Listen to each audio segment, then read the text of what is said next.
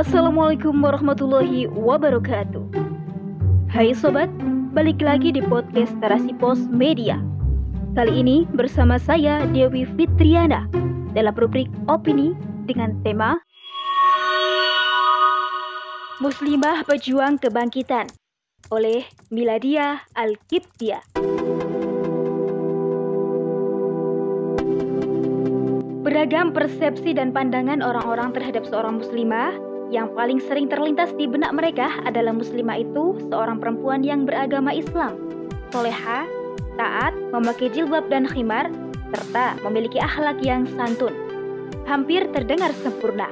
Namun, tahukah kita bahwa kita sedang memijakkan kaki di bumi mayoritas muslim yang bahkan di mata dunia negeri kita sangat kental dengan adab ketimuran? Rupanya hal tersebut jauh panggang dari api. Tidak semua muslimah yang ada di negeri ini mengindahkan nilai-nilai Islam. Diyakini atau tidak, terjadi distorsi ajaran Islam di kalangan muslimah. Ide-ide dari barat berhasil diembuskan di benak para muslimah. Yang paling masyur adalah serangan barat melalui 4F, yakni fun, food, fashion, dan fight Para muslimah telah tergadaikan ifa dan izah mereka demi nilai-nilai semu atau nilai materialistik. Sehingga mereka tidak pernah merasa puas dengan apa yang telah ditetapkan Allah untuk mereka. Ada banyak cara yang dilakukan oleh para muslimah untuk menciptakan fun atau kesenangan diri mereka sendiri. Dari mulai memperhatikan penampilan, sehingga mereka tidak segan-segan merogoh kocek demi tampil cantik dan menawan di hadapan publik. Ada juga yang mengikuti tren barat dalam aktivitas halwat dan ikhtilat, seperti berpacaran ala gaya suami istri atau nongkrong di diskotik hingga mabuk-mabukan. Menurut mereka, yang termakan dengan ide barat inilah fun atau kesenangan dunia yang sesungguhnya. Tren kaum oriental pun tak kalah melesat di kalangan muslimah. Yang paling digemari saat ini selain K-pop dan K-drama adalah Korean foodnya. Padahal, makanan jenis Korea yang banyak tersaji, baik di restoran, mall, ataupun dalam kemasan instan, belum tentu halal dan toib. Apalagi jika makanan itu adalah makanan cepat saji. Selain diragukan kehalalannya, juga membawa mudarat bagi kesehatan. Ini adalah salah satu penyakit yang menggerogoti muslimah saat ini. Mereka begitu fanatik dengan idola mereka yang notabene non-muslim. Belakangan ini, juga ramai di kalangan muslimah yang menjadikan tren mode dan fashion dalam berbusana sebagai sebuah keharusan. Disadari atau tidak, komunitas mereka sudah merebak di mana-mana, bak jamur di musim hujan. Mereka melabeli komunitas mereka dengan sebutan hijabers, sebuah komunitas muslimah dengan style yang khas dalam berhijab. Bukan lagi menutup aurat secara sempurna yang menjadi prioritas, namun bagaimana agar mereka tetap tampil modis Bahkan, tak segan memakai busana yang ketat dan transparan dengan menampakkan keindahan lekuk tubuh mereka. Tidak lagi mencerminkan identitas muslimah sejati, tetapi justru perlahan mengikis marwah dan izah mereka. Gagasan-gagasan Barat telah berhasil menjauhkan para muslimah dari kodrat dan fitrahnya. Barat telah berhasil membentuk sosok muslimah yang jauh dari nilai-nilai Islam. Bahkan, telah menjadi opini umum di tengah masyarakat bahwa dengan berhijab pun tidak menenggelamkan eksistensi diri mereka. Justru dengan tampil modis, stylish, dan fashionable dapat membawa keuntungan materi buat mereka.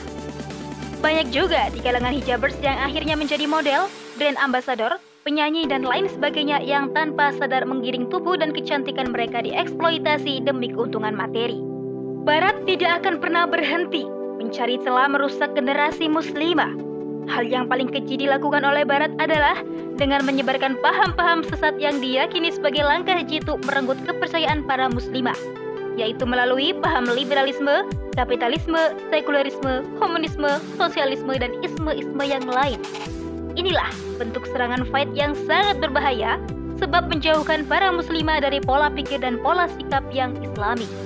Jika kita telah lebih dalam maka serangan 4F yang dikincarkan Barat tidak lain untuk memurtadkan umat Islam secara massal.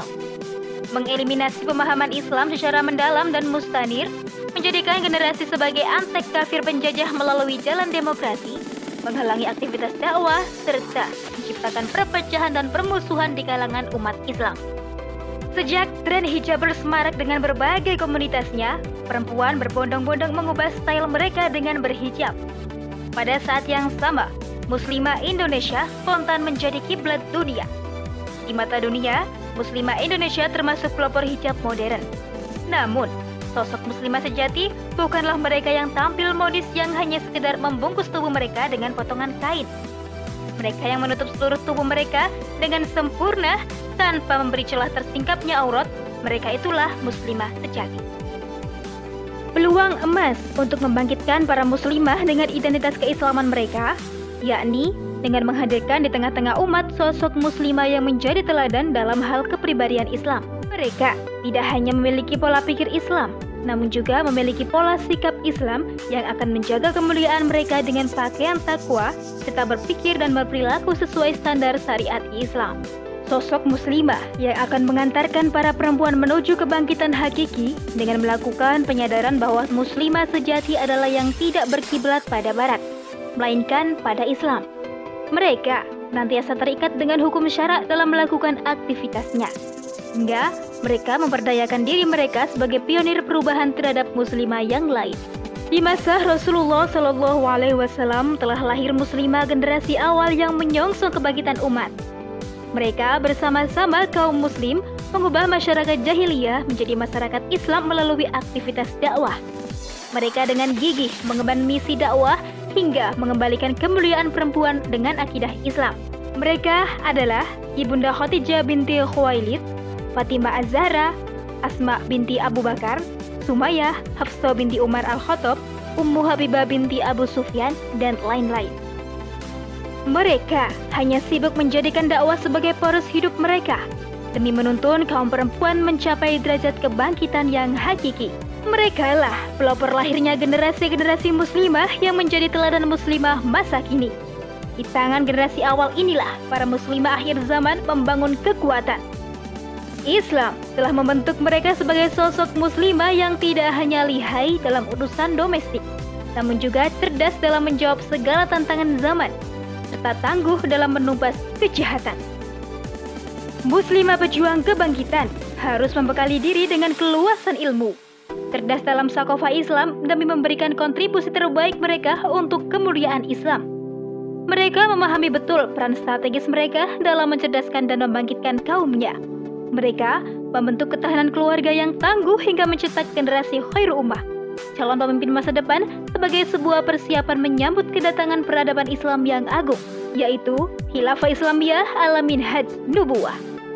Wallahu alam bisawab.